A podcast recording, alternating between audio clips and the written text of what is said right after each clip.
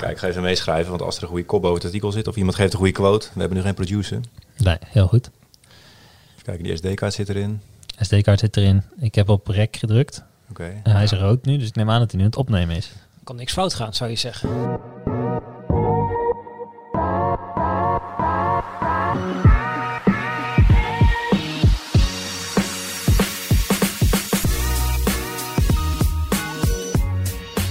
Pieter, als jij nou iets grappigs zegt, dan kunnen we dat voor de podcast eh, knippen, plakken, zodat, zodat we net zo zijn als alle andere podcasts. Oké.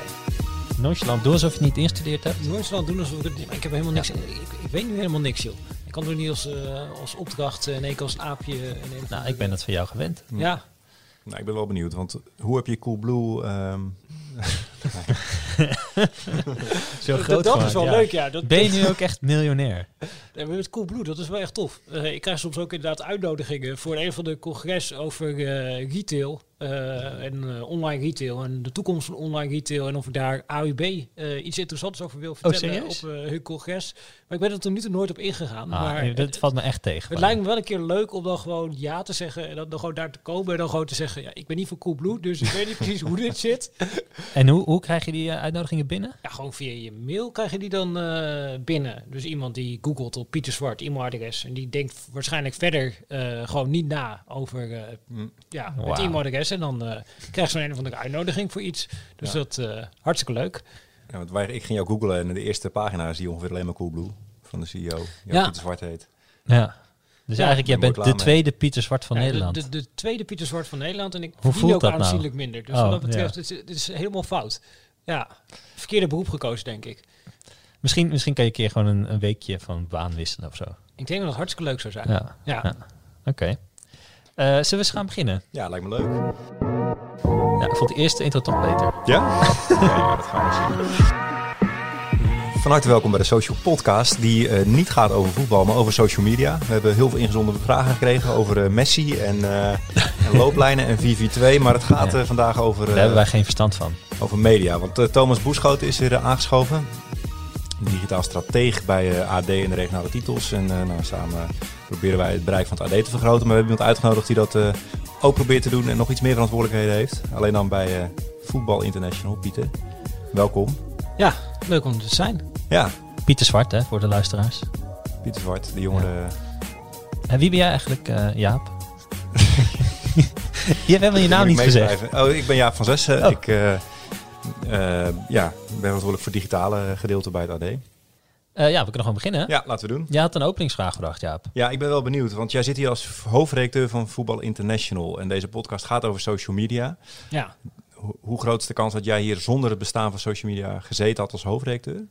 0% denk ik. Ja, nee, ik ben, eh, nou, dan kunnen we dan ook direct eh, full disclosure doen. eh, samen met Thomas ooit een website begonnen over voetbal. Catenaccio heette die website, was een analytische voetbalwebsite.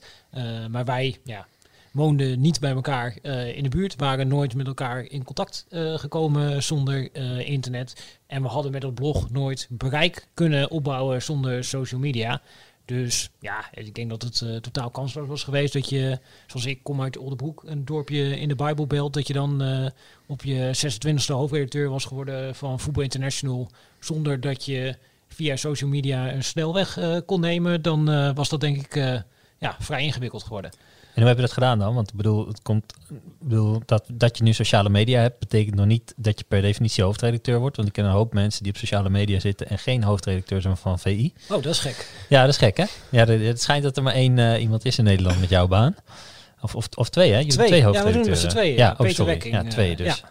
Maar hoe, eh, eh, hoe heb je dat dan gedaan? Wat is er gebeurd? Eh, hoe zit die... eh, Ja, dat is een eh eh, goede vraag. Nou ja, dat was eh, met Catenaccio was het een beetje aanklooien, denk ik. En gewoon eh, een heleboel dingen testen, een heleboel dingen proberen. Tot het op een gegeven moment eh, ja, dingen begonnen te werken. En dat was eh, vooral rondom, nou, dat was destijds bestuurscrisis eh, bij Ajax, waar het over eh, allerlei onderwerpen ging die 2010. ja, ongeveer die periode inderdaad, waar het over allerlei onderwerpen ging die traditionele sportjournalisten en voetbaljournalisten niet heel prettig vinden. Dus dan ging het over eh, financiën, organisatiestructuur, allemaal dat soort dingen. Eh, ja, dat vond ik wel eh, geinig. Eh, dus daar gingen we eh, over schrijven. Maar En hoe dat, kruisten jullie wegen?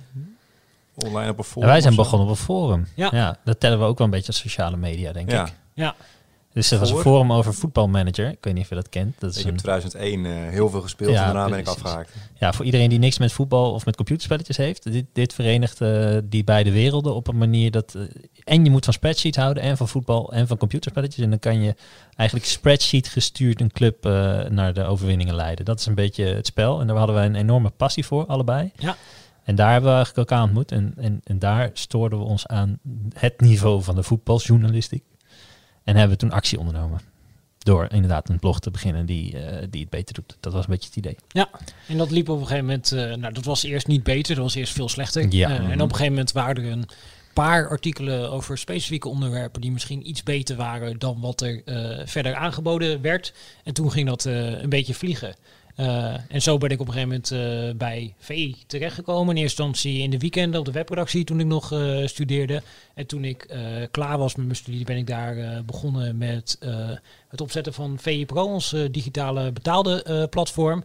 En nou ja, vanuit daar, dat werd op een gegeven moment een succesje. En toen was het op een gegeven moment logisch dat ik in de hoofdredactie kwam. En dat is ongeveer in een hele kleine notendop. In tien het, jaar tijd, ja, Het spel Het traject. Ja. Maar hoe kwam Catenaccio boven het maaiveld uit? Want jullie gingen schrijven, ik kan me voorstellen, je denkt, nou die spits is goed, ik ga dat schrijven. Of, of ging je, ja, bestuurscrisis kun je beschrijven, maar dat, dat doet het AD hier ook. Nou, het begon eigenlijk met hele goede journalistiek, denk ik. In ieder geval van Pieter. En Pieter die had allerlei connecties daar bij Ajax. Waardoor hij opeens dingen kon schrijven die eh, vele anderen niet eh, konden schrijven. Dus dat was, het begon eigenlijk met een soort inhoudelijkheid, denk ik. Als Ja. ik het zo terug eh, zie. Maar we waren ook wel heel gespitst op, eh, het, op het juiste moment inspelen op het juiste, op het juiste ding.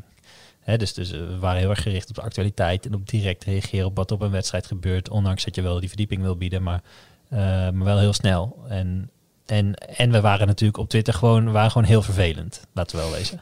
ja, ik denk dat wij bloedirritant waren. Ja. Dat mensen in de voetbaljournalistiek hebben ook wel echt een hekel aan Catenaccio. Jij vertelde net dat je niet durfde toen je hier bij het AD binnenkwam om een Catenaccio sticker op je laptop te plakken. dat omdat je bang was voor de reacties die je dan ging krijgen. Nou ja, het- en het- ik had ook een beetje, de, ik heb ook de afspraak eh, eh, destijds gemaakt dat ik niet eh, oh, ja, van de daken ga schreeuwen dat ik ook Catenaccio doe. Dus ja, goed, dan, dan ga ik dat ook niet op mijn, op mijn laptop plakken natuurlijk. Maar inderdaad, nee, maar kijk, ik kan me voorstellen, kijk, wat wij in principe onze strategie was, je zit naar een voetbalwedstrijd te kijken en op het moment dat je ziet dat iemand eh, ehm, een fout maakt, dan eh, wil je die persoon corrigeren. Of in ieder geval, je wil, eh, je wil eigenlijk het liefste dat commentatoren, die bijvoorbeeld van wedstrijden van commentaar voorzien, dat die de feiten op een rij hebben. En als zij dan een denigerende uitspraak over een voetballer doen die onterecht is, en je kunt dat laten zien aan de hand van de feiten, ja, dan is dat het moment om dat met de wereld te delen. En dat is niet zozeer gericht op die commentator die die fout maakt, maar meer op de cultuur die bestaat in de voetbaljournalistiek, denk ik. Van, het maakt allemaal niet uit wat we roepen, eh, want het is maar een mening. Maar heel veel dingen in de voetballerij zijn geen mening. Maar die kun je meten. En ja, dat is eigenlijk een beetje hoe wij, eh, hoe wij die luisterende pijls, pijls waren. En dat werden jullie voornamelijk dankzij Twitter. En dan toen bouwde je ook je Ja. bereik op. Of ging dat via het forum van de manager? eh? Nee, bevo- bij het forum zijn we zelf begonnen. Maar eh, de, ja, dat, we, hadden, we hadden een bereik dankzij dat forum. Een soort Mhm. startbereik. Maar ja, dat, eh, dat was redelijk te verwaarlozen. Want die mensen die geïnteresseerd zijn in voetbalmanagers... zijn niet vanzelfsprekend ook geïnteresseerd in eh Catenaccio. Ja. Ehm, ik even het bruggetje van het Catenaccio. Doen jullie niet actief meer? Hè? Dat is een beetje. Jullie, jij bent naar het AD gegaan, jij Ja. bent naar VI. Ja.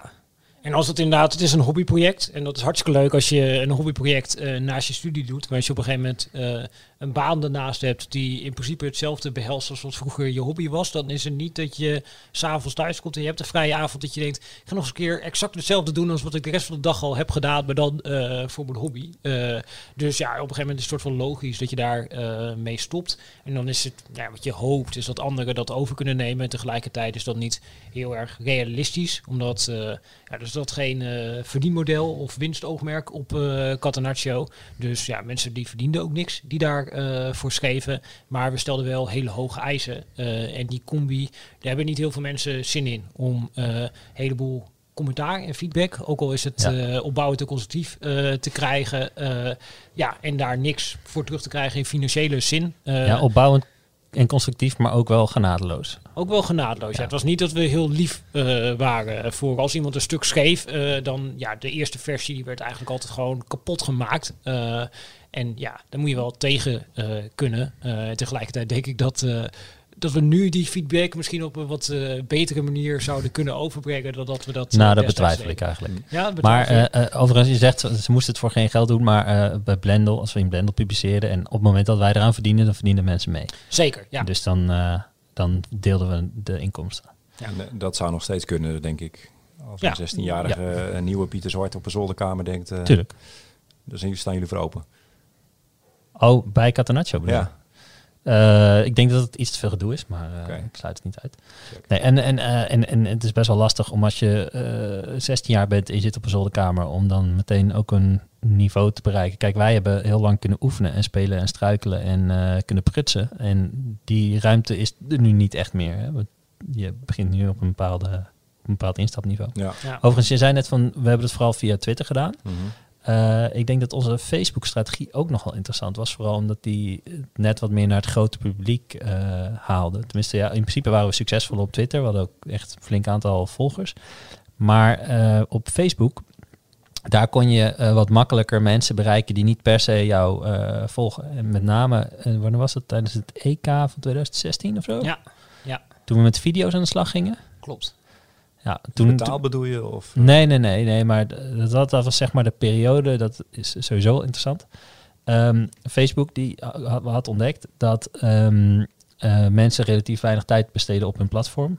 En die wilden dat veranderen. Dus die wilden eigenlijk dat als mensen door Facebook scrollen, dat ze meer tijd besteden dan... eh, dan kijk, foto's en, en berichten en linkjes, daar scroll je zo doorheen, ben je zo weer weg. Ja. Eh, dus die hadden zoiets van, wij willen meer met video. We willen eigenlijk dat mensen voor video naar Facebook komen. Dus, ehm, eh, dus wat gingen ze doen? Zij gingen een video die 100 keer geliked was en een foto die 100 keer geliked was. Daar, eh, die video die gingen ze dan aan, eh, laten we zeggen, 100.000 mensen laten zien. En die foto aan 10.000 mensen. Gewoon, het ging echt om dat soort getallen. Aan 10 keer zoveel mensen bij dezelfde aantal likes. En daarmee wilden ze eigenlijk stimuleren dat mensen steeds meer video's op Facebook zetten. Dus wij hebben het op een gegeven moment ook gedaan met van die tactische videootjes.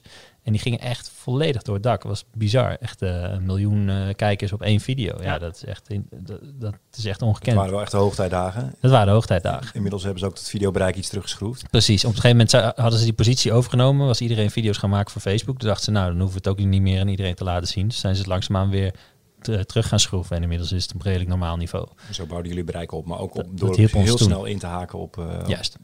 Wat nog niet in de krant stond. Ja. Misschien op dezelfde avond al en zo. Ja. Een van onze beste video's was die van Oblak, denk ik. Na de Champions Ja. League finale. Of Klopt, ja. halve finale, wat was het? Finale, ja, tegen Real Madrid. Eh, en wat ons de was opgevallen, van, ja, ja. de keeper van Atletico Madrid. En wat ons was opgevallen, nu wordt het toch voetbal inhoudelijk in de social Oh, eh, podcast. Het gaat helemaal fout. Ja. En wat ons was opgevallen was dat hij iedere keer, eh, vlak voordat die penalty genomen werd, nam hij eigenlijk een stapje waarmee hij eigenlijk voorsorteerde op de hoek die hij inging. En wat opviel ook in die wedstrijd was dat de spelers van Real Madrid consequent wachten totdat hij dat stapje gezet had en dan in de andere hoek schoten. Nou, dat konden we met de video in beeld brengen. En toen dachten veel mensen inderdaad van, hey, dit is eh, grappig, interessant. Eh, dit was mij niet opgevallen. Maar dat ging ook internationaal, die video. Die was echt, eh, echt waanzinnig veel bekeken. Dus ja, dat, dat werkte. Maar dat is eigenlijk, was dat ook de core van onze business inderdaad. Dus er, er gebeurt eh, iets. En ja, wij zien daar iets in wat misschien niet iedereen ziet. En we kunnen dat dan vervolgens op een manier vertellen. Ja. Dat eh, andere mensen dat ook eh, beginnen te zien. Nou, maar je verdiende geen euro, je speelde jezelf in de kijker bij de media. Ja, ja, daar deden we het overigens niet voor. We, dus- we wilden gewoon onze verhalen vertellen. Dat was veel meer dan... Ja. En, en, en eh, het mooiste was ook op een gegeven moment eh, het verhaal over Danny Blind. Dat, was, dat, liet, dat liet heel mooi de strategische kant hiervan zien, denk ik. Namelijk dat wij eh, we probeerden te plannen. Dus eh, we waren echt aan het nadenken van oké, wanneer willen mensen welk verhaal lezen? En toen het er naar uitzag dat Guus Hiddink ontslagen ging worden, we wisten nog niet precies of dat binnen een dag of binnen een week of binnen twee weken zou gebeuren, maar we wisten dit komt eraan. Guus Hiddink gaat ontslagen worden en Danny Blind wordt zijn opvolger. Dus het verhaal dat de werktitel had, eh, Danny Blind is een bewezen prutser. Volgens mij is het, was dat, dat was ja we hè? uiteindelijk hebben we dit erboven ook volgens Oh, mij. hebben we het ook echt? Oké, nou ja, goed. De- toen, toen op het moment eh, dat Hiddink... eh, eh, eh, eh, eh, op een gegeven moment werd het stuk gepubliceerd. Een uur later werd Hiddink ontslagen. Bij Nou ja, Oranje. Ja. ja, bij Oranje. En toen, dat ging volledig door het dak. Maar dan heb je ook goed nagedacht over wanneer vertel je welk verhaal. En dan, dat verhaal hadden we in principe elk jaar kunnen vertellen. Of al, al langer kunnen opschrijven. Maar dat is dan even net de timing. Dat iedereen denkt, hé, hey, wie is die, uh, die assistent eigenlijk? Ja, dat is iets waar we nu allemaal uh, mee bezig zijn. Ik heb even een vraagje, omdat uh, ik denk die vraag zul je vaak krijgen als jij zegt, ik ben hoofdredacteur van Voetbal International. een paar weken geleden hadden we hier op ad.nl ook een bericht staan. Ja, dat jullie verkocht zouden, of verkocht zijn. Ja, klopt. Uh, er gebeurt veel. Hoe gaat het nu met Voetbal International? Is het goed nieuws dat jullie verko verkocht zijn of niet? Of, uh... oh, ik denk dat het uh, hartstikke goed nieuws is dat we verkocht zijn. Omdat wij bij een eigenaar zaten die niet meer in ons wilde investeren. En dat we nu bij een eigenaar zitten die wel in ons wil investeren. En tegelijkertijd, maar dat is natuurlijk logisch. maar de nieuwe eigenaar is, voor de luisteraar die het niet weet... Ja, en, dat is een uh, digitale uitgeverij uh, die van alles uh, en nog wat doet. Die heeft allerlei websites in zijn portfolio, maar die heeft ook een online programmatic saleshuis.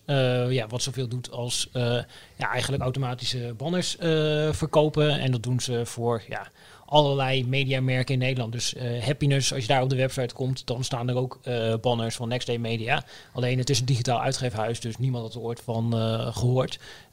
en ja, tegelijkertijd, ja, dan denk je ook van, ja, jullie hebben niemand in jullie portfolio die voldoen aan het profiel dat wij hebben. wat zijn jullie met ons van plan? maar ja, daar, daar ga je op een gegeven moment gesprekken over voeren. wat zijn ze van plan? Ja, ze zijn eigenlijk van plan om de strategie uh, die wij hebben, om die uh, te omarmen en daarin te investeren. Nou, dat zijn woorden. Je weet nooit of dat ook daden zijn. Uh, maar we zijn nu een paar weken overgenomen. En ja, eigenlijk alles wat ik er nu toe van ze gezien heb, dat is dat ze dat gedaan hebben waarvan ze gezegd hebben dat ze het gingen doen. Wat is de strategie? Want jullie hebben natuurlijk een, een blad en een online strategie, want je dat is VI ja. Pro. Die staan eigenlijk los van elkaar.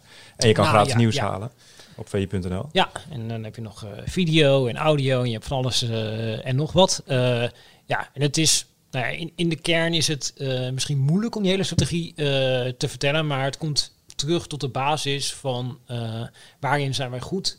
wij zijn goed in context bieden uh, bij het voetbalnieuws. Dus uh, iets gebeurt en wij kunnen uitleggen, nou, wat, wat is daar nu eigenlijk uh, precies echt gebeurd. En daarmee het verhaal achter dat voetbalnieuws vertellen. En zijn ze dan vooral benieuwd in de papieren versie of de online versie?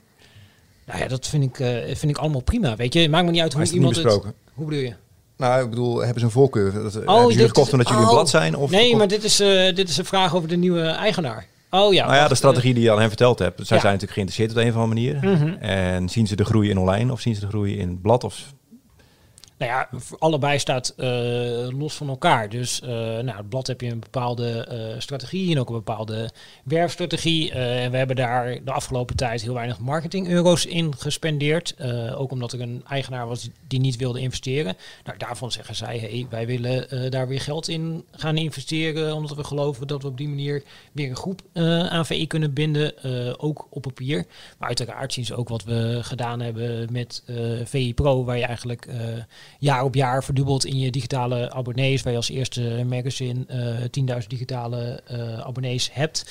Uh, ja, daarvan zien ze ook, hey, dit biedt potentie. En wij hebben een bereik van 6 miljoen binnen mannen in Nederland. En wij vinden het heel interessant om die 6 miljoen mannen in Nederland niet alleen op een bannetje te laten klikken. Maar wat nou als die 6 miljoen mannen in Nederland een abonnement op uh, VI Pro of uh, VI Magazine kunnen laten nemen, dan heb je pas echt uh, een interessante propositie. Dus dat is wat zij met VI willen. En nou, dat is denk ik heel interessant om mee te gaan maken of dat gaat werken of niet. Maar je bent dus hoofdredacteur van VI en moet al praten over marketing-euro's en dergelijke. Al die mensen die voetbalvragen hebben gesteld, die denken nu van, heeft die gast het over? Ja, is ook niet, uh, niet heel erg interessant. Maar er komt natuurlijk inderdaad de vraag over wat, wat willen zij uh, met dat blad. Uh, en eigenlijk redactioneel ja, willen ze eigenlijk niet heel erg veel. Ze zeggen, jullie hebben verstand van redactie, wij niet. nou, het is ook een gevalletje waarvan je zegt, nou, dat zeg je, ga je hier ook naar handelen. Nou ja, ze hebben het een paar weken overgenomen. En ik je heb bedoelt eigenlijk te zeggen dat jullie vrijheid, redactionele vrijheid behouden. Dat ja, je wil gewoon een onafhankelijk uh, redactieapparaat hebben, wat onafhankelijk journalistieke keuzes kan maken. En dat zijn ook de piketpalen die je wel uh, vooraf slaat. En nou ja, tot nu toe hebben ze zich geen seconde bemoeid met onze redactionele inhoud. Nee, maar ik ben nog wel benieuwd, want ja, je ziet groei in VI Pro, je ziet in abonnees van de papieren, het papieren weekblad zie je een afname, ja, jaar op jaar denk ik. Er was jaar op jaar een afname en dat is nu aan het stabiliseren. En van waar die interesse? Want het is het eerste blad dat ze ook eh, nu kopen, want ze hadden wel websites. Ja. Ehm, wat is jouw gevoel bij het blad dat ze kopen of erbij, erbij hebben gekocht? Of is Nou ja, daarvan zeggen zij, eh, wij hebben daar geen verstand van. Want eh, wij hebben nog nooit een eh, blad uitgegeven. Daar hebben jullie wel heel veel verstand van. Want jullie geven al meer dan 50 jaar een blad uit. Dus vertel ons alsjeblieft ja, wat we moeten doen om dit tot een zo groot mogelijk succes te maken. Dus eigenlijk zeker op het blad zijn wij ten opzichte van hen in de lead. Omdat zij die kennis en expertise niet hebben die wij wel hebben. Ja. En VPRO heb je ook meer kennis, denk ik. Zeker, ja, voor de specifieke casus eh VPRO hebben wij kennis. Maar zij hebben ook weer specifieke kennis eh, over de dingen die zij digitaal hebben Ja, gedaan. heel, heel even kort voor wie niet weet wat VI Pro precies is. Ja. Van onze luisteraars, ik kan me zo voorstellen dat niet iedereen dat weet. Ja, nou, VI Pro is het eh, digitale online platform van VI waarvoor je ja, moet betalen, waar je lid eh, van kan worden om nou ja, kwaliteitsjournalistiek over voetbal te lezen. Dat is het eh, in de kern. Dus een deel is gratis en voor een deel moet je inloggen. In principe hetzelfde wat je bij AD hebt. Alleen bij AD krijgen abonnees automatisch toegang. Of hebben ze automatisch toegang. En bij VI Pro is het of je bent bladabonnee of pro. En je hebt ook een combi natuurlijk. Nee, dit was vroeger was dit Ja. inderdaad eh, het geval, maar nu hebben alle bladabonnees ook gewoon toegang tot Oh, eh VI Pro. Ja, zeker. Oké, oké. Want ik had... eh, ja, goed. Ooit eh, las ik mee op het abonnement van eh, iemand. dat stopt ermee. hey, wat, wat je ook veel zal horen, de eigenaar is ook eigenaar van voetbalprimeur.nl. Ja, En nou ja, dat wordt ook wel een knip- en plaksite genoemd. zeker is het ook. Ja, Ja, hoe, eh, hoe landde dat dan? Of, of hoe, moet- hoe moeten Nou die... ja, het lijkt me normaal dat je daar wel een bepaalde sceptisch over hebt. Want als zij ons overnemen om van Voetbal International voetbalprimeur te maken, dan ben ik de eerste die daar een hele felle tegenstander van ben. Maar het lijkt me sowieso gewoon een beetje zuur. Dat je denkt, ja, we hebben hier een prachtig merk dat al hoe lang bestaat? 50 jaar in Mhm. Nederland. En dat is eigenlijk kapot gemaakt door de voetbalprimeurs van deze wereld.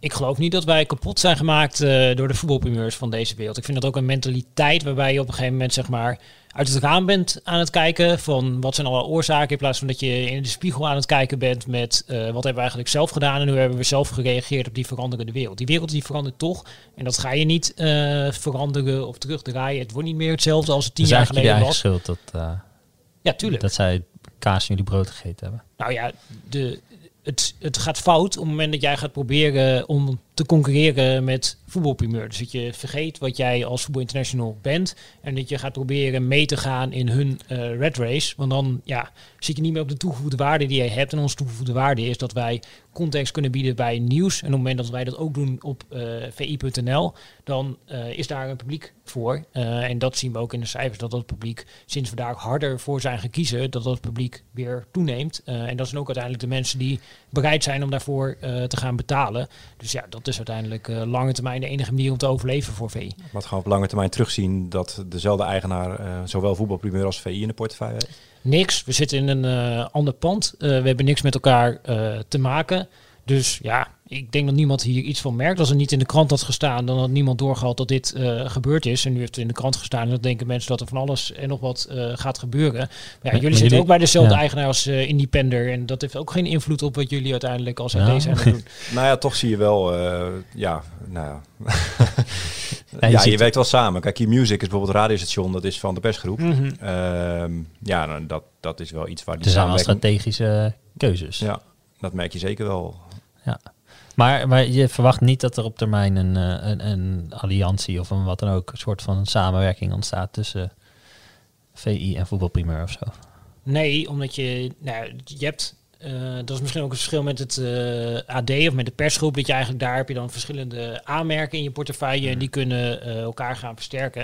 En hier heb je eigenlijk misschien een A-merk en een B-merk in je portefeuille. Wat je niet wil is dat er een associatie ontstaat tussen het A-merk en het B-merk. Dus voetbalprimeur is eigenlijk een B-merk, Dat, dat is inderdaad wat je eh, hieruit zou kunnen ja, eh, waar jullie niks mee te maken willen hebben. Eh, je wil niet inderdaad dat dat afstraalt op Voetbal International. Maar wat ik me wel kan voorstellen is dat dat B-merk haalt natuurlijk wel een enorm bereik van mensen die geïnteresseerd zijn in voetbal. En het is natuurlijk wel interessant om jezelf de vraag te stellen van hey, zouden we die ook in aanraking kunnen brengen met de kwalitatieve artikelen die we op VPRO eh maken.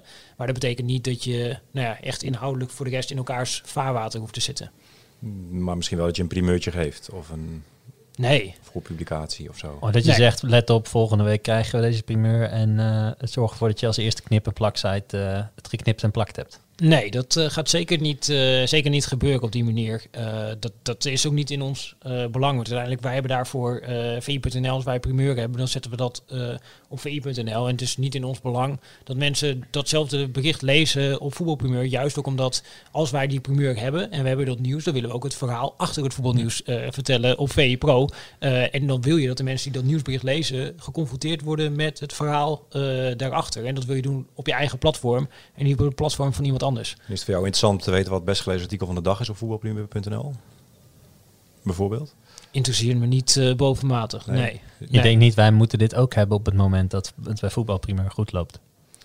Nee, omdat zij een bepaald type artikelen maken waarvan je weet dat het werkt, eh, maar waarvan je bewust de keuze maakt eh, om het niet eh, te doen. Als nu een obscuur medium in Spanje meldt dat een speler van Ajax naar Real Madrid gaat, dan gaat voetbalprimeur dat op hun website plaatsen. Ja, wij hebben een Ajax-watcher die precies weet wat er speelt, wat er niet speelt, wat klopt, wat niet klopt. En die is het filter eh, om uiteindelijk zeg maar, te bepalen, komt iets op VI of niet op VI. Eh, mensen komen naar eh voetbalprimeur om te kijken wat er speelt. En ze komen naar VI om te kijken of het klopt. Dus als je dingen hebt inderdaad die spelen op voetbalprimeur, ja, betekent dat niet per definitie. Want als het niet klopt, dan wil je niet op VI hebben. Ja, en het is nu een paar weken al wel rond en definitief, et cetera. Ja. Oké, en want de ondernemingsraad, wat in het artikel stond, dat er een opstand was op de redactie of zo. Opstand, ja, woede. Woede. Nee, ja. De, de, de speelt dan van alles en je hebt natuurlijk allerlei eh, raden. Maar ja, ik denk dat ik kan het niet uitleggen hier in eh, vijf minuten. En ik denk dat het lezer er ook niet in geïnteresseerd wordt niet is, de luisteraar. Dus eh, het kan niet worden tegengehouden, want het is al rond. Ja, akkoord. hey, Nee. maar eh eh ehm, jij, jij had van tevoren gezegd dat je mee zou typen bij alle gepeperde uitspraken die Piet zou doen. Ik zie heel weinig typen voor zoveel gepeperde. ja. ja, ik luister nog wel uitspraak. rustig nog een keer terug straks. Eh, Eh, Ja. de Er kop komt nu de boven de staan de podcast, eh, is een kop hebben we beenmerk. ja, ik denk zoiets, ja. Ja. ja, ja. het klinkt lullig, maar wij... eh, zijn Hoofdredacteur VI, dubbele punt. Voetbalprimeur is een BMR. Ja, we geven hem eerst aan voetbalzoon. Ja, ja. ja hé, jongens. Nog wel heel even wat je zei over de, de fysieke plek. Dus je zit nu in Utrecht hè, met de redactie. Klopt. Ja. Dat was Eh, trouwens een vraag van eh, Marco van de Utrecht Nieuwsblad eh, Ja. redactie. Marco, onze collega van Utrecht Nieuwsblad, die zag dat wij eh, gingen praten. Die zei, joh, eh, vraag eens of ze in Utrecht blijven. Hebben wij ook nog nieuws. Nou, we gaan eh, verhuizen, maar we weten nog niet waar naartoe. Dus eh, ons huidige huurcontract loopt af aan het einde van het jaar. We zijn op dit moment zijn we panden aan het eh, bezichtigen. Ja, en welke kant dat opgaat, ja, dat kan ik niet vertellen.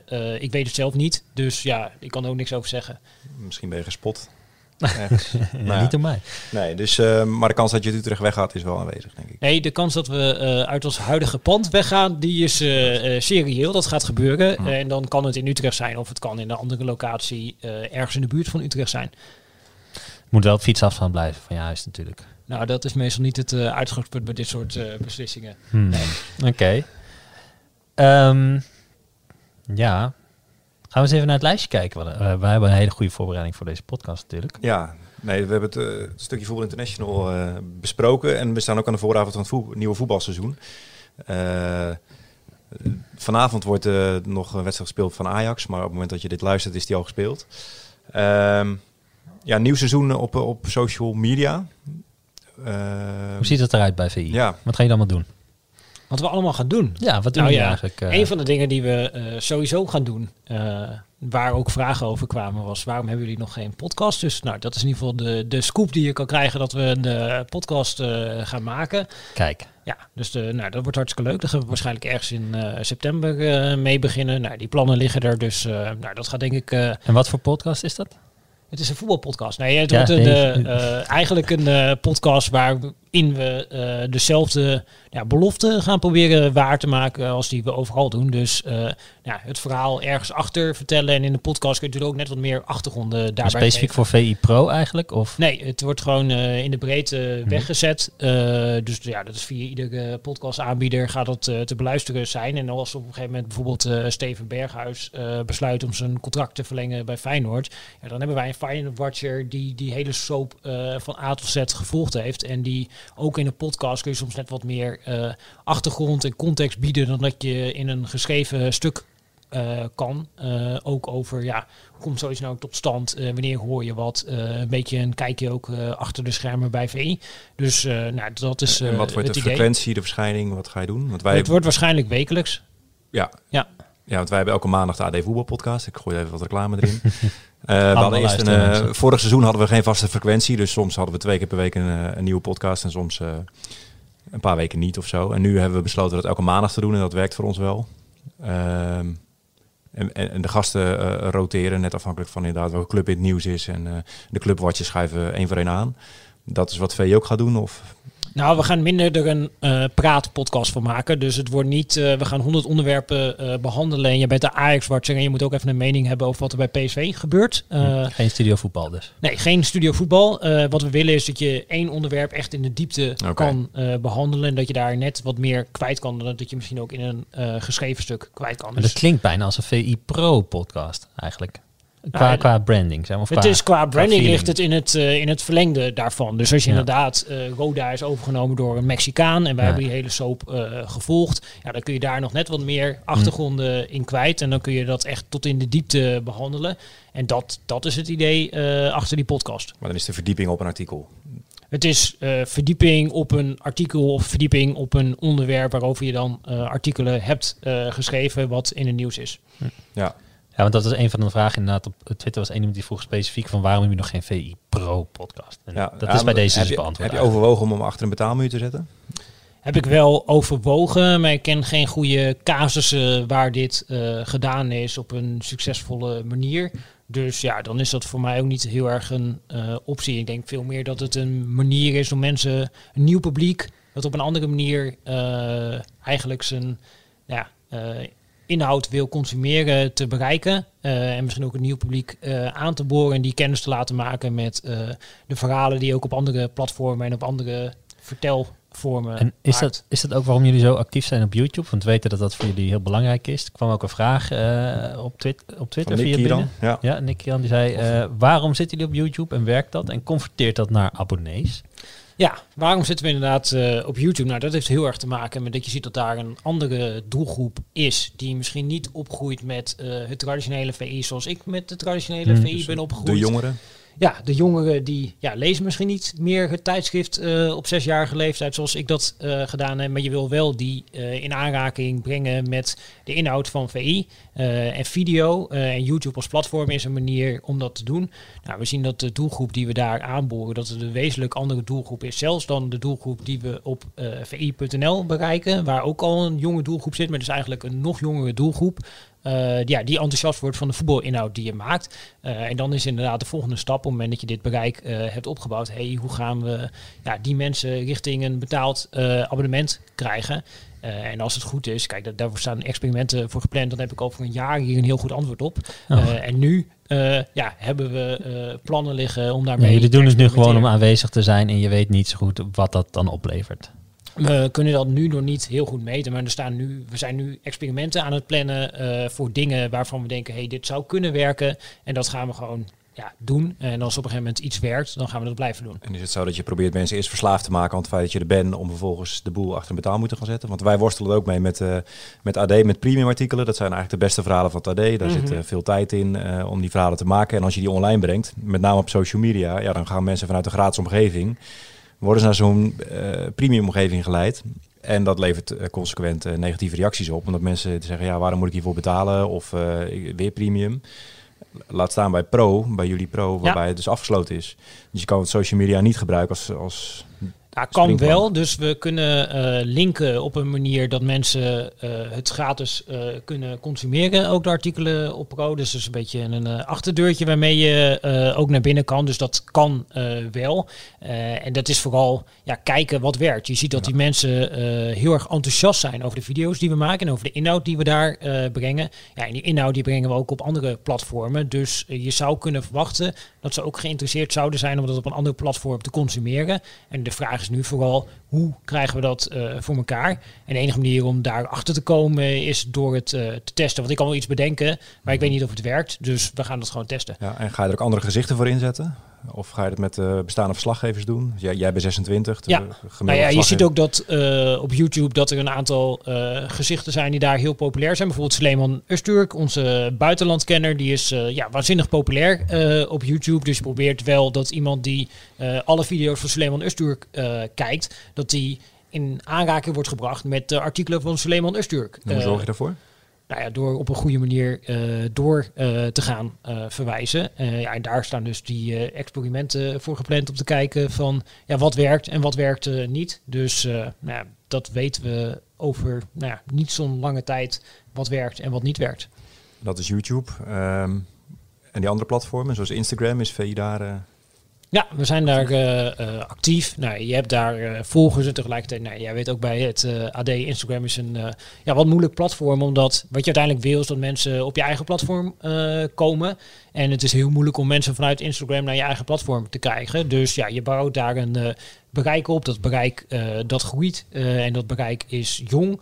Uh, maar hoe je die mensen ja, ooit weer op je eigen platform krijgt, uh, geen idee.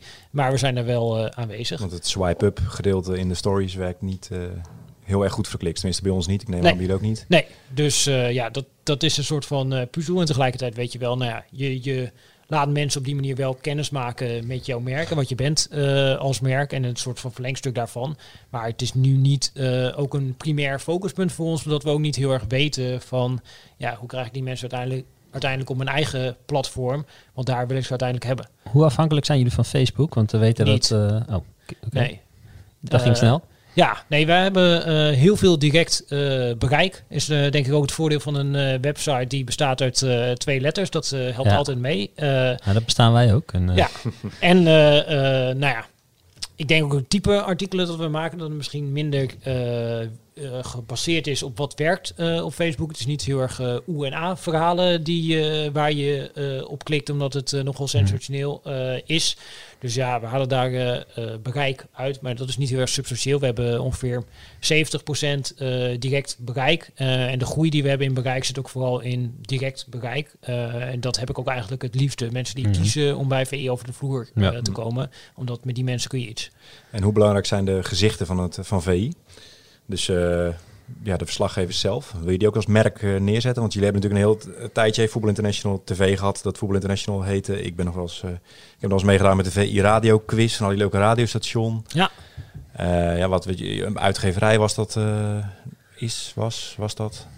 Klopt, ja. Ehm, Boeken hebben we ook eh, gedaan. Klopt. Ja. Eh, nou ja, dat, dat zijn eigenlijk zijn dat, eh, de uithangborden van de kwaliteit eh, die je maakt op hun eh, specifieke deelterrein. Dus dat is eh, ja, super belangrijk. Iemand als eh, Tom Knipping, die in de onderzoeksjournalistiek zit, ja, die heeft een groep mensen die hem eh, volgt, omdat ze geïnteresseerd zijn in zijn type artikelen. Zoals ook de Ajax-watcher eh, ja, mensen heeft die hem volgen omdat ze geïnteresseerd zijn eh, in nog. Ajax.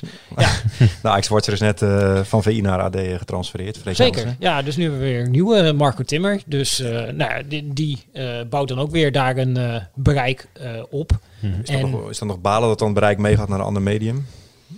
Ja, nee, dat is altijd eh, is dat balen als jij eh, goede mensen kwijtraakt. En tegelijkertijd eh, biedt het ook weer kansen aan nieuwe goede mensen om op te staan en een ontwikkeling Ja. door te maken. Maar wat dit betreft lijkt VI wel echt heel anders dan pak een beetje tien jaar geleden. In welke zin? Nou, ja, met qua gezichten en eh, ik heb het idee dat VI meer smoel had, maar misschien dat ik dat. Ja, dat eh, komt denk ik ook door het tv-programma waarin gewoon elke week Ja. iemand te zien was. Zeker. Ja, je hebt dan iedere week gewoon een miljoen kijkers in, eh, in die periode die ja, je kan gebruiken om jouw blad aan te prijzen, om boeken aan te prijzen, om weet ik niet wat eh, allemaal aan te prijzen. En ook inderdaad om ja, echt merken van hen te maken. Nou, dat hebben we nu niet meer. Dus ja, dat, dat is lastig. En tegelijkertijd eh, zie je dat het eh, ja, digitaal nu op een andere manier eh, werkt. Stimuleer je dat op de een of andere manier, dat ze online actief zijn op social media? Moedig je ze aan actief te worden? Ja. Weer- Nee, ja, mensen waren eigenlijk allemaal ook al wel actief, maar je probeert ze wel te stimuleren om dingen te doen ja, die werken. Dus ja, daar probeer je wel ja, mee bezig te zijn.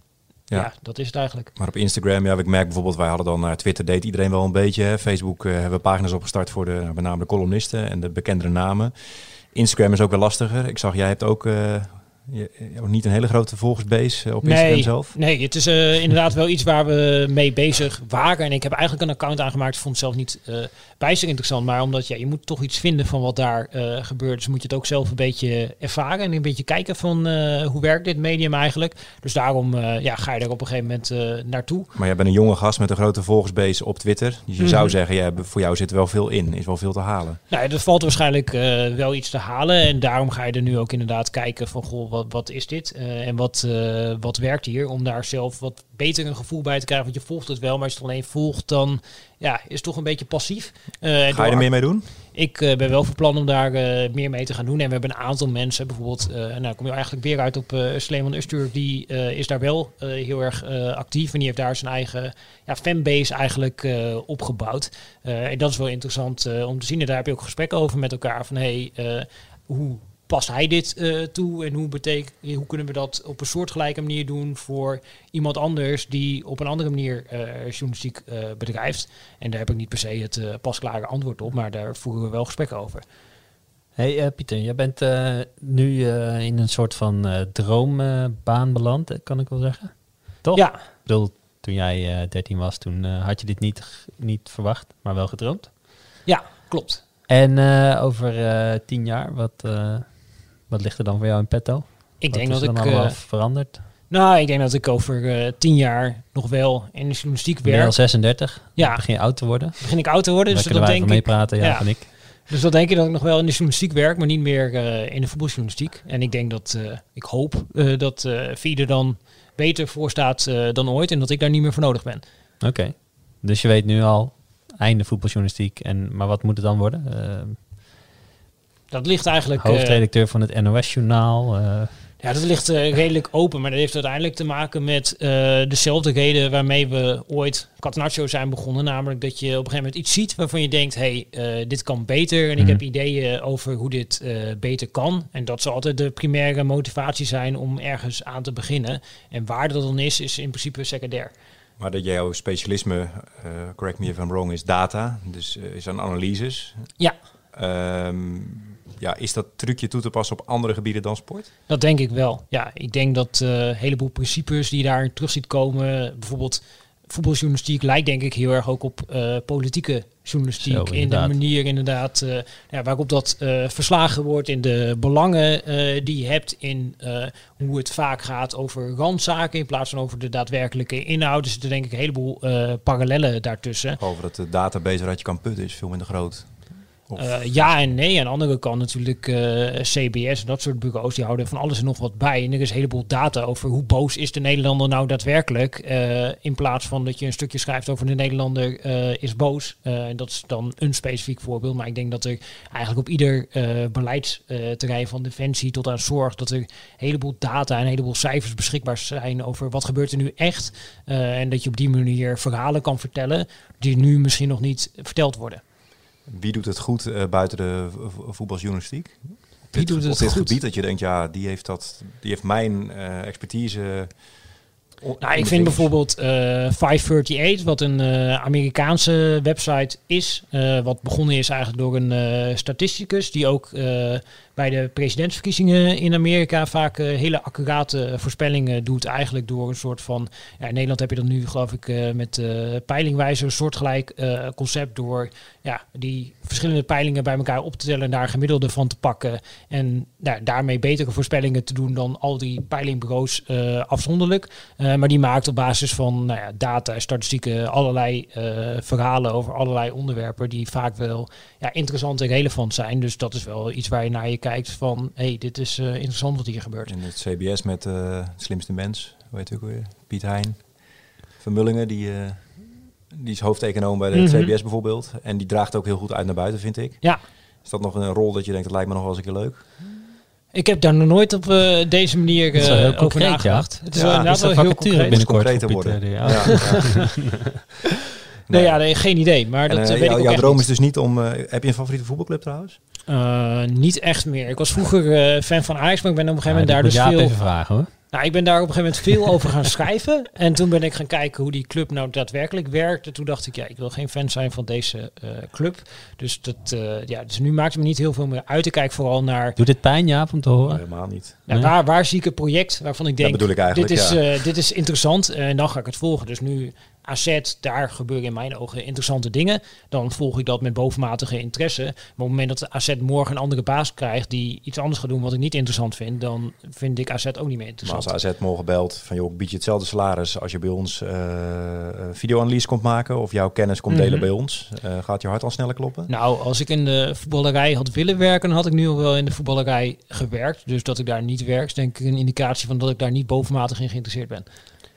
Eh, eh, volgens mij heb je ook wel eens gezegd dat je dat niet helemaal eh, oké zou vinden. Nee, kijk, op het moment dat ik hier zou zitten en ik zou tegen jou de ambitie uitspreken van, ja, ik wil heel graag bij een club werken, dan kun je geen enkel artikel dat ik schrijf meer serieus nemen, omdat je er altijd in kan lezen van, ja, maar misschien schrijft hij nu over Ajax dat die verdediging veel kansen weggeeft, maar dat het eigenlijk een proces is dat dat langzamerhand wel goed komt, omdat hij eigenlijk uit is op een baantje in de staf van. En je kunt altijd een ja, eh, tweede laag erin zien. En ik denk dat je daarin volledig onafhankelijk eh, moet blijven. Eh, vind je het podium leuk? Of het, het feit dat je enigszins bereik opbouwt? Of... Ja, ik, het gaat in principe over. ik citeer vaak Johan Cruijff en in dit geval is dat zeg maar je wil zowel kwaliteit als resultaat hebben.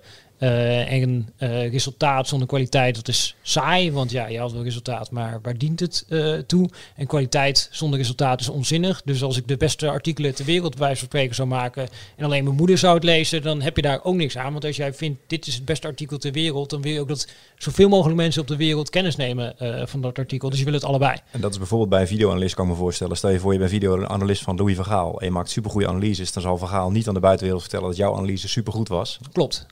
En dat lijkt me dan ja, een ander type mens of zo. Of tenminste, Ja, ik denk inderdaad dat je daarvoor een ander type mens moet zijn. Dat misschien minder de behoefte heeft Ja. om eh, ja, ook aan de wereld kenbaar te maken. Wat hier gebeurt is interessant. Eh, neem hier ook eh, kennis van. ken jij ze wel achter de schermen? Ja, ik ken ze wel. Er zijn een heleboel mensen achter het schermen die een heleboel interessante dingen doen waar nog nooit iemand van gehoord heeft. Maar die mensen die werken wel in het voetbal en ook in het Nederlandse voetbal. Ja? Kun je er iets van vertellen? Of, eh, Ja, kun je er iets van eh, waar zit de vertellen? Nou, die, die schud je uit je mouw, Pieter. Kom op. Ja, nee, kijk, er Jij zijn... weet er zo tien. Ja, je weet, je weet er inderdaad eh tien, maar het is inderdaad als je iemand specifiek uitlicht, dat is ook nou ja, eh zonde Daarom voor de mensen tien, die je. Ja, maar dat is ook zonde voor de mensen die je niet eh, specifiek. heeft eh, iedere club uitlicht. er een? Ja, iedere, bij iedere club eh, in Nederland lopen eh, mensen rond eh, met interessante ideeën over voetbal. En soms is dat eh, een jeugdtrainer die eh, heel veel weet eh, van tactiek en van training en hoe die dat eh, kan toepassen. En soms is het een scout die eh supergoed is eigenlijk in videoscouting en daar dingen ziet die andere scouts niet zien. En soms iemand je- met data. Ja, tien jaar geleden had je al een scout en had je al een jeugdtrainer. Maar tien jaar geleden had je waarschijnlijk geen videoanalist. Nee, dat klopt. Eh, en ook geen eh data-analyst. Bij bijvoorbeeld eh AZ, die hebben gewoon data-analysten via eh, Billy Bean. Wat eigenlijk eh, de man is die eh nou, Moneyball eh, op de kaart heeft gezet. In eh honkbal is dat... eh, Boek en film. eh, ja, boeken, kijken. film op basis van statistieken eh, betere Pitt, hè? beslissingen nemen met Brad Pitt. Nou, super tof. Ja. Eh, en Brad Pitt speelt de rol van eh, Billy Bean. En AZ, eh, de algemeen directeur, Robert Eenhoorn, die kent eh, Billy Bean, omdat hij ook in het honkbal eh, heeft rondgelopen. En eigenlijk via Billy Bean hebben zij eh, een team van data-analysten in Amerika zitten, die de data-analyse voor AZ doen. Nou, dit is iets wat al jaren gebeurt, maar niemand eh, weet dat dit gebeurt. Het schijnt niet te helpen voor dakconstructies. Nee, misschien moeten ze daar inderdaad nog wat eh data-analysten op eh, loslaten, wat de beste dakconstructie is. Ja, maar ik kan me voorstellen dat je dan eh, dat Europese topclubs met nog meer geld dan ook in Nederland hebben die ook allemaal dat soort mensen en zijn die niet aan het scouten in Nederland naar de beste? Ja, die hebben zeker dat soort eh, mensen. Bij bijvoorbeeld eh, City zit ook een Nederlandse videoanalist. Ja, eh, dus nou, die, je ziet dat eh, die mensen dat soort stappen maken. Eh, en dat hing weer samen natuurlijk met de samenwerking met eh NAC Breda. Dus hij is op een gegeven moment opgepikt eh, bij NAC Breda en daar terechtgekomen en daar eh, carrière gemaakt. Maar je ziet dat ja, die, nemen, die hebben enorme teams eh, van dit soort mensen die hier allemaal mee bezig zijn. En die halen vanuit eh, de hele wereld mensen naar binnen. Ook voor dit soort eh, vacatures om de ja, beste mensen aan boord te hebben. Ja, dat is ook wel. Cool. Ja. Fascinerend. We gaan, nu, nu hebben we het gewoon over voetbal. ja. Helemaal dat fout mag helemaal dit. niet. Het is een social podcast. Social podcast. Ja, we hebben nog eens een Ja, naamsuggestie nodig. want Het gaat over social media eigenlijk. En ik zei vrijdag tegen Thomas in de voorbereiding... Van welk haakje hebben we eigenlijk voor social media en Pieter? Toen zei, eh, zei Thomas al van ja, social media, dat is gewoon Pieter. Ja, is wel zo. Ja. nee, maar de- kom op, het haakje is toch gewoon... Dit is de, de, de hoofdredacteur die geen hoofdredacteur was geweest zonder sociale media. Daarom Kijk, hier heb je ook een kop. Nee, Kop nee, nee, de kop hadden al. Ik snap dat je liever die kop wil, maar dan, dan klikt echt niemand er meer op. Nee, Nee, dat wordt gewoon over het het B-merk. mee. Zullen we, naar, zullen we naar de voetbal vragen? Of moeten we nog iets over sociale media vragen? Als jij even naar de voetbalvragen gaat, dan check ik even... Oké, oké. Ja, check jij. Wat, ik weet niet wat je gaat checken. Hey, wat maar- is je favoriete voetbalpodcast? Een soort semi oh, eh, oké. bruggetje. Ja, bruggetje. Mijn eh, favoriete voetbalpodcast. eh ja, dat, dat zijn er eh, verschillende. Ik Oh denk, jee. nou ja, Een diplomatiek antwoord. Ja, diplomatiek eh, antwoord. Nee, maar ik vind eh, eh, neutrale kijkers, dat vind ik eh, de fijnste podcast eh, om naar te luisteren. En dat is niet omdat ik er zelf een minuut in heb, maar omdat Mhm. ik daar echt daadwerkelijk om moet lachen. En dat, eh, dat ik mijn dag eh, vrolijker begin als ik daarmee eh, kan eh, beginnen. Dus ik denk dat eh, echt mijn favoriete voetbalpodcast is. Eh, en los daarvan heb je wat voetbalpodcasts die af en toe iets brengen wat inhoudelijk eh, interessant is. Maar dat hangt vaak samen met eh, de gast. Dus als eh, Jurgen Klopp, de trainer van Liverpool, ergens de gast is. Of Pep Guardiola, de trainer van City, ergens de gast is. Dan eh, ga ik die podcast luisteren. het is Maar wel als, leuk om een lijstje even wat namen van, eh, van podcasts die je dan scant. Of er een boeiend onderwerp hebben. Even voor onze luisteraars. Ja, maar ik moet heel eerlijk zeggen dat ik dit vaak ook gewoon doe eh, via social media. Of inderdaad Je eh, ziet iets voorbij collega's. komen op Twitter. en Ja, of via collega's of vrienden die tegen mij zeggen: joh, eh, die en die heeft in deze podcast gezeten, dit moet je luisteren. Zonder dat ik misschien nu de namen van al die podcasts kan opnoemen. Dus eh, ik heb ook niet inderdaad eh, een lijstje wat ik dan screen, maar ik ga een beetje uit eh, van eh, mijn netwerk dat me die op het juiste moment de juiste dingen aanraden. Neutrale kijkers dus. Shout-out. Ja. Ja. Oké. ehm, dan gaan we naar de voetbalvragen. Ja. Ja, zoals we al zeg- gezegd hebben, we hebben nog nooit zoveel vragen gekregen op Twitter eh, als, eh, als nu. Maar ja, ze gingen vooral over voetbal. Dus Twitter via de social podcast, de eigen Twitter-account. je kunt altijd vragen insturen, mensen. Vinden we leuk. Schoten, het Jaap van Zessen. Ja. Eh, de eerste vraag is van Lawful Hamster. Hoe kijk jij naar een wedstrijd? Hoe kijk ik naar een wedstrijd? Ja, ik krijg die vraag vaker. Mhm. Eh, en wij hebben wel eens samen een wedstrijd gekeken. Er is niks geks aan hoe ik naar eh, een Nou. wedstrijd kijk. Nou, niet in de manier waarop ik eh ernaar kijk. Want ik ga net als iedereen gewoon op de bank zitten. eh, en dan ga ik naar een wedstrijd kijken. Tenzij ik er een analyse van maak. En dan gebeuren er wel wat dingen die misschien wat ongebruikelijker zijn. Eh, dus meestal doe ik dat op de redactie. Dus vanavond dan speelt Ajax. En dan ben ik op de redactie. Nou, we hebben daar zes schermen waar live die wedstrijd op is. En ik heb dan een laptop met twee schermen. Nou, op één scherm loopt een stream van die wedstrijd mee met lichte vertraging. Die kan ik ook eh, stopzetten en terugspoelen om bepaalde situaties nog een keer eh, te bekijken. En dan heb ik een ja, eh, tweede scherm waarop ik aantekeningen maak. Eh, en screenshots maak van eh, dingen waarvan ik denk dat het eh, interessant is. En op die manier ja, volg ik die wedstrijd. eh, Mhm. En maak ik uiteindelijk relatief kort na afloop een analyse van dingen die daar in mijn ogen gebeurd zijn. En dat programma met die stream ben ik nog even benieuwd naar voor de kijkers thuis. Kunnen, Ja, kan iedereen dat gebruiken? Ja, iedereen kan dat gebruiken, want ik gebruik gewoon daarvoor eh Fox Sports Go en eh Ziggo Sport eh, Go. Maar je screencast, zeg maar, dus het scherm opnemen. Eh, ja, je, filmpjes mag niet, want het qua, qua beeldrechten mag je dat helemaal niet doen. En dan eh, krijg je enorme boetes. Maar je kunt wel gewoon een eh, screenshot maken van een statische situatie. En dat valt binnen het citaatrecht, dus dat doen we wel. Ja. Hm. Oké. Oké, interessant. Eh, maar jij bent dus eigenlijk tijdens de wedstrijd ben je al aan het voorbereiden op dat je heel snel daarna kunt publiceren. Ja, ik schrijf ook Door slim de te kijken eigenlijk. Ja. ja. Ja, omdat eh, wat, wat er meestal vooraf gaat aan zo'n analyse is dat je beide ploegen vooraf al bekeken en geanalyseerd. Dus je weet van ploeg A wat proberen zij normaal gesproken te doen. En je weet van ploeg B wat proberen die normaal gesproken te doen. Mhm. Eh, en dan zie je soms relatief snel wat, of misschien iemand iets heeft aangepast. Ja. Of kun je inzoomen op iets wat in jouw ogen eh, interessant is. En eigenlijk bepaal ik altijd tijdens de eerste helft wat mijn eh, invalshoek wordt. Dan in de rust begin ik te schrijven. En dan in de tweede helft dan rond ik het artikel af. En tegelijkertijd volg ik wat er in die tweede helft gebeurt. Ja. En je wordt op een gegeven moment handiger erin dat je ook eh, vertelvormen kan vinden waarin je makkelijker eh, ja, mee kan nemen Ja, als kunt er in de tweede helft anticiperen op een, eh, Ja. een om, om eh, zwaai of zo. Ja. Ja. Oké. Je hebt zelf, ik heb goed vaker verteld, maar je hebt zelf nooit gevoetbald geloof ik hè? Ik heb zelf ooit één jaar gevoetbald. Eh, Thomas heeft wel eens bij mij op het voetbalveld gestaan. En die kan Nou, dat was geen pretje. dat het geen eh, pretje is. Dus voor mij niet Nee. leuk. En het erg is het ook doet dat echt ik- pijn aan je ogen. Ja, maar het deed ook pijn aan mijn eigen ogen. Dus, En aan eh, zijn benen. En hoe Ja. kan het dan dat je die interesse hebt? Of- Nou ja, het, het is een fascinerend eh, spel, omdat ik denk dat het van alle eh, sporten die er in de wereld eh, bestaan het meest eh, complexe is. Want eh A, je doet het met je voeten in plaats van dat je het met je handen doet. Wat het al nou ja, motorisch allemaal wat ingewikkelder maakt. Daardoor is het balbezit ook veel minder beschermd dan in de meeste andere sporten. Met handbal kan je niet zo iemand de bal afpakken. In voetbal kan dat wel. En het is een teamsport die je met elf personen doet. waarin ook nog extreem weinig gescoord wordt. Dus al die factoren bij elkaar maken dat je in voetbal een heleboel interessante dingen kan terugzien. Die waarschijnlijk ook voor een breder perspectief interessant eh, zijn. De vragen die je in voetbal kan stellen. eh, hoe werk je met elkaar eh, samen, maar ook zeg maar hoe spot je talent. Allemaal dat soort essentiële vragen. Ja, die kun je veel breder toepassen dan alleen voetbal. En in die zin is voetbal denk ik een metafoor en een ja, experimentele conditie waarin allerlei dingen gebeuren. Oké. Hey, ehm, Johannes Keuning die vraagt: bestaat er ook zoiets als het overanalyseren van voetbal? Zijn de analyses van Zwart vaak niet van een hoger niveau dan het denkvermogen van de meeste trainers en spelers? Ja, die bestaat zeker. Een compliment verpakt als vraag.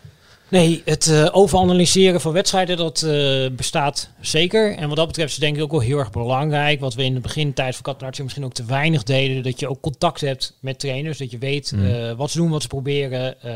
Wat, wat het idee is en wat je uiteindelijk terugziet eh, op het veld. Eh, en dat je ook niet alles eh, wat er gebeurt toeschrijft aan een intentie. Omdat soms gebeurt er iets wat eigenlijk niemand Ja. op die manier heeft bedacht. En wat dat, Dat, de betreft... centrale verdediger opeens in de spits staat, terwijl de coach het eigenlijk niet had gewild. Nee, maar precies. Omdat dat hij het gewoon op een gegeven moment en- denkt, leuk, ik ga mee Juist. naar voren. En, dat je en dat ondertussen dan, zegt iedereen wat de meester zet. Ja, precies. wat een blunder. Nou, dus de, daar pas je heel erg voor op. Eh, en daarom, dat is ook een van de redenen, wordt wel eens ook aan ons gevraagd, van, ja, waarom schrijven jullie niet meer analyses over pakkenbeet eh onderkant eredivisie of over de keukenkampioen divisie. En dit is een van de redenen waarom we dat minder doen, omdat daar op een gegeven moment dus- veronderstelt dat daar geen visie achter zit. Nou, er zit wel een eh, visie achter, maar ook omdat de kwaliteit van de spelers lager is, is het moeilijk om die visie eh, over te brengen. En krijg je eh, het toeval krijgt een steeds grotere rol Hm. in wat er uiteindelijk op het veld gebeurt, wat het moeilijker maakt om dat te analyseren. Een toeval is natuurlijk sowieso de vijand van de analyse. Ja. In de zin van dat, ja, als er veel toeval is, dan, ja, wat valt er te analyseren aan toeval, zeg maar. Behalve het bewustzijn van dat er toeval een rol speelt in alles wat er gebeurt. Klopt. Dus eh, de uitslag, zeker ook in het voetbal, wordt natuurlijk vaak ook bepaald eh, voor een deel eh, Mhm. door toeval. En daar valt niet heel veel aan te Nee. analyseren. Maar het spelbeeld, het proces wat eronder ligt, dat kun je wel goed analyseren. Maar de uitslag is wel weer vaak het startpunt van de analyse. Ze hebben gewonnen, dus X of Y. Ze hebben verloren, dus X of Y. Ja, maar wat dat betreft helpt het denk ik dat je die analyse ook al maakt tijdens eh, die wedstrijd. Dus op het moment dat ik begin met schrijven, dan is nog niet duidelijk wat de uitslag gaat worden. Dus ja, dat Ja. is in die zin eh, ook een soort van eh, zelfbescherming. We Oké. ook even aanhalen, want je beschrijven van het boek De Val van Oranje. Ja, Vorig jaar zomer, denk ik. ja en hoe we weer kunnen herreizen. Ja, Dat wordt vaak bij vergeten als die titel genoemd ja wordt. precies. Nou, dat- kom Ja. wel goed gelezen volgens mij. Het is goed dat je er nu even bij zegt, want eh, Hoe kijk je daarna? Want je schreef een boek, eh, ja, eh, inhoudelijk hoe Oranje eh, ja, kon herreizen, zeg maar. Ja. En Warempel, een jaar later, is het ineens weer redelijk goed. Dat zul je wel vaak horen. Of, of ja, hoe reageer je daarop dat het nu weer beter gaat? Nou, ik ben daar heel erg vrolijk over dat ik een, een aantal teams zie, maar dat is tegelijkertijd ook een select aantal teams. Dus eigenlijk waar we concreet over praten is Ajax, PSV, AZ en het Nederlands elftal. Dat zijn eigenlijk vier teams die eh, in mijn ogen op een intelligentere manier zijn gaan voetballen. Die ook strookt met de dingen die daar beschreven staan eh, in dat boek als tips. Eh, dus nou, dat het gebeurt. Er zat ook een ho- hoofdstuk al is in. allemaal dankzij Pieter Zwart. Nee, dus niet dankzij Pieter Zwart. Eh, er zat ook al een hoofdstuk in met Ronald Koeman, waarin Ronald Koeman in een interview met mij stelde van ja, je moet je aanpassen aan de tegenstander. Nou, dat was iets wat Nederlandse teams over het algemeen weinig deden. Nou, hij is bondscoach geworden en hij is zich gaan aanpassen aan de tegenstander en is betere resultaten gaan halen. Dit is niet Mhm. Mijn verdienste. Maar dan wordt er Eh, gezegd, ja, nou had ook Frenkie de Jong en Matthijs de Ligt. Ja, nou, dat speelt eh, altijd mee. En tegelijkertijd hebben we ook allemaal het uh, debuut gezien van Frenkie de Jong bij Barcelona. Uh, we hebben ook denk ik allemaal kunnen constateren dat Frenkie de Jong, voordat bijvoorbeeld Erik ten Hag daar trainer werd, gebruikt werd bij Ajax als centrale verdediger, geen vaste basisplek had. En op een gegeven moment werd een ja, systeem gecreëerd waarin Frenkie de Jong de best mogelijke Frenkie de Jong kon zijn. Dus je hebt wel Frenkie de Jong nodig, alleen je moet ook de voorwaarden creëren waarin Frenkie de Jong zo goed mogelijk kan functioneren. En dat gaat altijd met elkaar samen. Ik ben nog heel benieuwd. Barcelona zei je. je vond ja, wat was er met dat debuut? Hij heeft nou, verloren, maar... Ja, hij heeft uh, uh, verloren en hij had het uh, heel erg moeilijk. Hij werd eigenlijk gebruikt in de rol die Sergio Busquets daar had als controlerende middenvelder. En waar hij bij Ajax heel veel mocht zwerven, omdat Lasse Schöne naast hem de positie hield.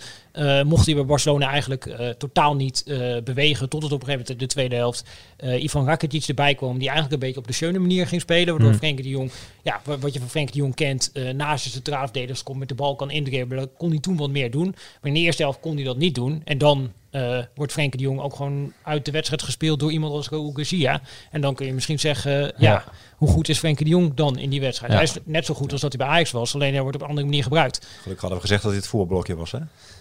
Uh, ja. uh, het voetbalblokje. Ja, ja, ja. Nee, nee het, mag, het mag nu gewoon de diepte nog, in. Nog ja. even een kijkersvraag, een beetje inhakend. Uh, Erik Adabra, die ongeveer zeven vragen heeft gesteld, vraagt ook: als je nog een boek zou moeten schrijven, wat voor boek zou dat dan zijn? Je had de vraag waarschijnlijk al. Ja, die, nou, die vraag krijg ik ook vaak van de uitgever waar ik het ja. boek gemaakt heb. dat mag. Wanneer komt die eindelijk? Ja, en ik ben daar eigenlijk nog niet heel erg uit. En zolang er niet een onderwerp is waarvan ik denk, nou, dit boek moet er komen, dan gaat er geen boek komen. Heel goed. Ja, want het boek schrijf je niet voor het geld, neem ik aan. Of is het nee. Nee, nee ja, totaal niet. Ik denk niet dat als je rijk wil worden dat je boeken moet gaan schrijven. Nee.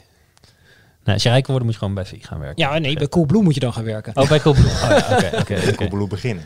Ja, hey, um, is, is nog een andere vraag van uh, Art Bosman. Zijn er al manieren om het belang slash effect van voetballers die zonder bal belangrijk zijn, bijvoorbeeld uh, door ruimte te creëren, te meten? Dus dingen die, die je niet kunt uitdrukken in een Pasen of, of, of iets concreets wat Ja. je zou kunnen meten. Ja, is heel interessant. Dit is een beetje eh, de, de goudmijn, de onontgonnen goudmijn van de voetbaldata. Eh, er zijn een heleboel clubs zijn hier eh, mee bezig. En tegelijkertijd, ja, die clubs die hebben er niet zo heel veel belang bij om te vertellen wat zij hier uithalen. Dus dat blijft voor een groot deel eh, intern. En toevallig ben ik nu bezig met eh, de Eredivisie. Heeft afgelopen jaar voor het eerst eh, ja, deze data van wat spelers zonder bal doen gezamenlijk kunnen verzamelen. Dat wordt in jargon tracking data genoemd. Mhm.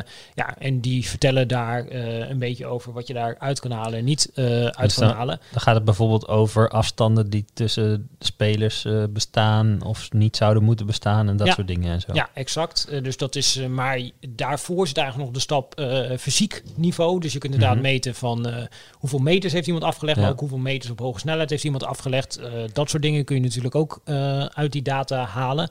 Dus dat is nou, één element. En eigenlijk de volgende stap is het teamtactische niveau. Ja, wat zijn de voorwaarden en condities die eraan bijdragen dat jouw team beter eh, gaat presteren. En ik denk dat daarin voor voetbal, basketbal eigenlijk het eh, lichtende voorbeeld Hm. is. Waar ze hier heel erg ver mee zijn. Daar hebben ze een techniek, dat noemen ze eh, ghosting. Wat je daar eigenlijk hebt, is dat je hebt de, de clip van nou ja, een wedstrijdsituatie die zich daadwerkelijk voordoet. En daarna zien die spelers een automatisch gegenereerd algoritme wat hun ideale positie weergeeft. Dus waar ze eigenlijk volgens het systeem dat ze spelen hadden moeten staan. Eh, en dan kunnen ze ja, direct in die beelden terugzien van... hé, hey, je staat hier, maar je had eigenlijk eh, Ja. daar moeten staan. Ja. Eh, en daar zat op termijn met het voetbal ook naartoe gaan. En misschien gebeurt het al en weten we het niet. Het zal vast zorgen voor een hoop eigenwijsheid ook. Zo van, ja, ik had daar gewoon moeten staan. Ik stond daar goed en, enzovoort. Stel ik me zo voor. Eh, zeker, ja. Dus Ja. dat is ook altijd eh, de uitdaging daarbij. En dat eh, is ook voor trainers eh, de Hmm. truc. Hoe ga je dat op een goede manier overbrengen? Oké. Heb je ehm, nog kijkersvragen of... eh, ja, ja, zullen we het doen?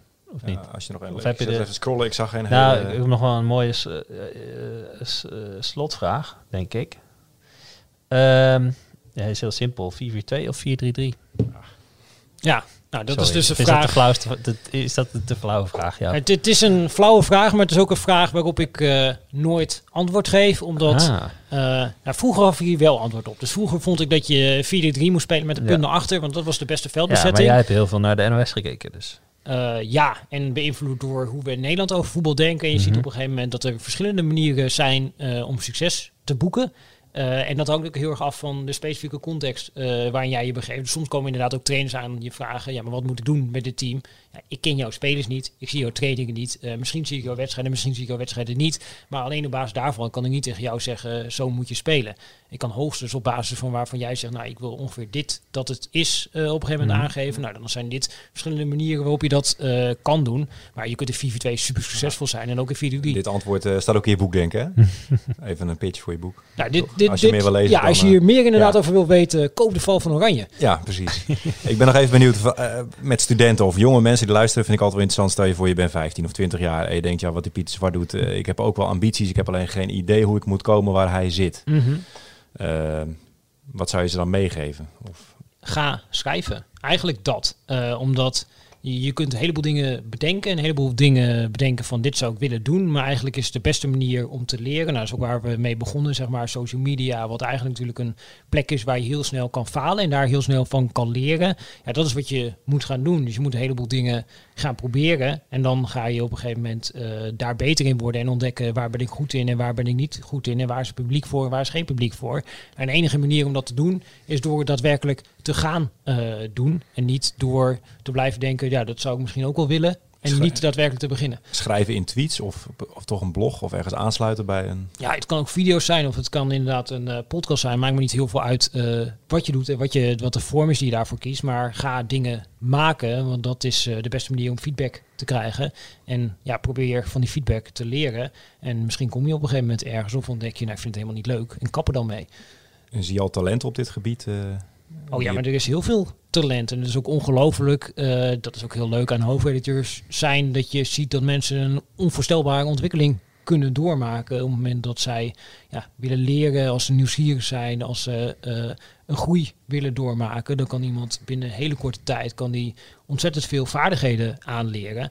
Dus ja, ik geloof daar heel erg in dat als jij dingen gaat doen, dat jij op een gegeven moment daar beter in gaat worden. eh, zie je ook vaardigheden nu bij jonge gasten? Dat je denkt, ja, dit is ook iets waar ik nog beter in moet worden of zo? Of- Ja, tuurlijk. Ik zie, ik zie, ik ben eh, visueel, zeg maar, in eh, nou ja, de, wat je grafisch kan maken, ben ik eh, geen topper. En je ziet nu mensen binnenkomen. Ik heb wel altijd genoten van jouw plaatjes met paint, eh, met paint ja, geannoteerd en Paint zo. en Ja, Excel, hoor. dat is ongeveer mijn, mijn grafische kennis. dat hoog nee, je ziet nu inderdaad mensen binnenkomen die alle Photoshop skills hebben, die begrijpen wat werkt en wat niet werkt op Instagram en die een verhaal ook meteen visueel willen vertellen, omdat ze vanaf jongs af aan eh, opgegroeid zijn met als ik mijn verhaal wil vertellen, moet ik ook een visuele vorm hebben om dat te vertellen. Dus als je daar naar kijkt, dat is eh ja, jaloersmakend. En je voelt je ook al bijna oud inderdaad, dat je ze ziet binnenkomen en dat je denkt, oké, die hebben allerlei vaardigheden die ik eh, niet had toen ik die leeftijd had. Dus ja, wat dat betreft eh, is het ook leuk om je te blijven omringen met jonge mensen waarvan je weer nieuwe dingen leert.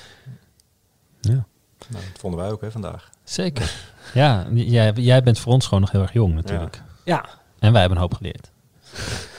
Ja, da eh, dankjewel eh, Pieter. Ja, We zijn we denk ik, hè? Ja, of Ja, moeten we even de intro opnieuw doen. Oh, intro opnieuw Eh, doen. Nog een keer. Nee. nee, dat is leuk. Hey, ontzettend bedankt voor je tijd, want eh, wij waren ongeveer de enige podcast waar je nog niet eh, aangeschoven was. ja dus nu heb ik het hele lijstje compleet. Ja. Maar dit is wel de belangrijkste natuurlijk. Zeker, dit is de allerbelangrijkste podcast ooit. Ja. Ja. Tot de VI-podcast komt. Nou, die reclame hebben we, hebben gemaakt. Dankjewel. Het zou leuk zijn als jullie eh, abonneren op deze podcast via iTunes en Spotify. We gaan de frequentie van deze podcast, ik zeg het elke keer, maar nu echt opvoeren, hè, Thomas. We gaan Oh ja? volgende week weer een opnemen. Oh ja, ja we gaan incidenteel gaan we hem opvoeren, de frequentie. Nou, in ieder geval volgende week. Ja. En de week daarna staat er al gepland. Dus Ja, abonneer je, dan mis je niks meer. Ja. Pieter onwijs bedankt. Succes vanavond bij de analyse Komt vast goed. en met Ajax. Dankjewel Pieter.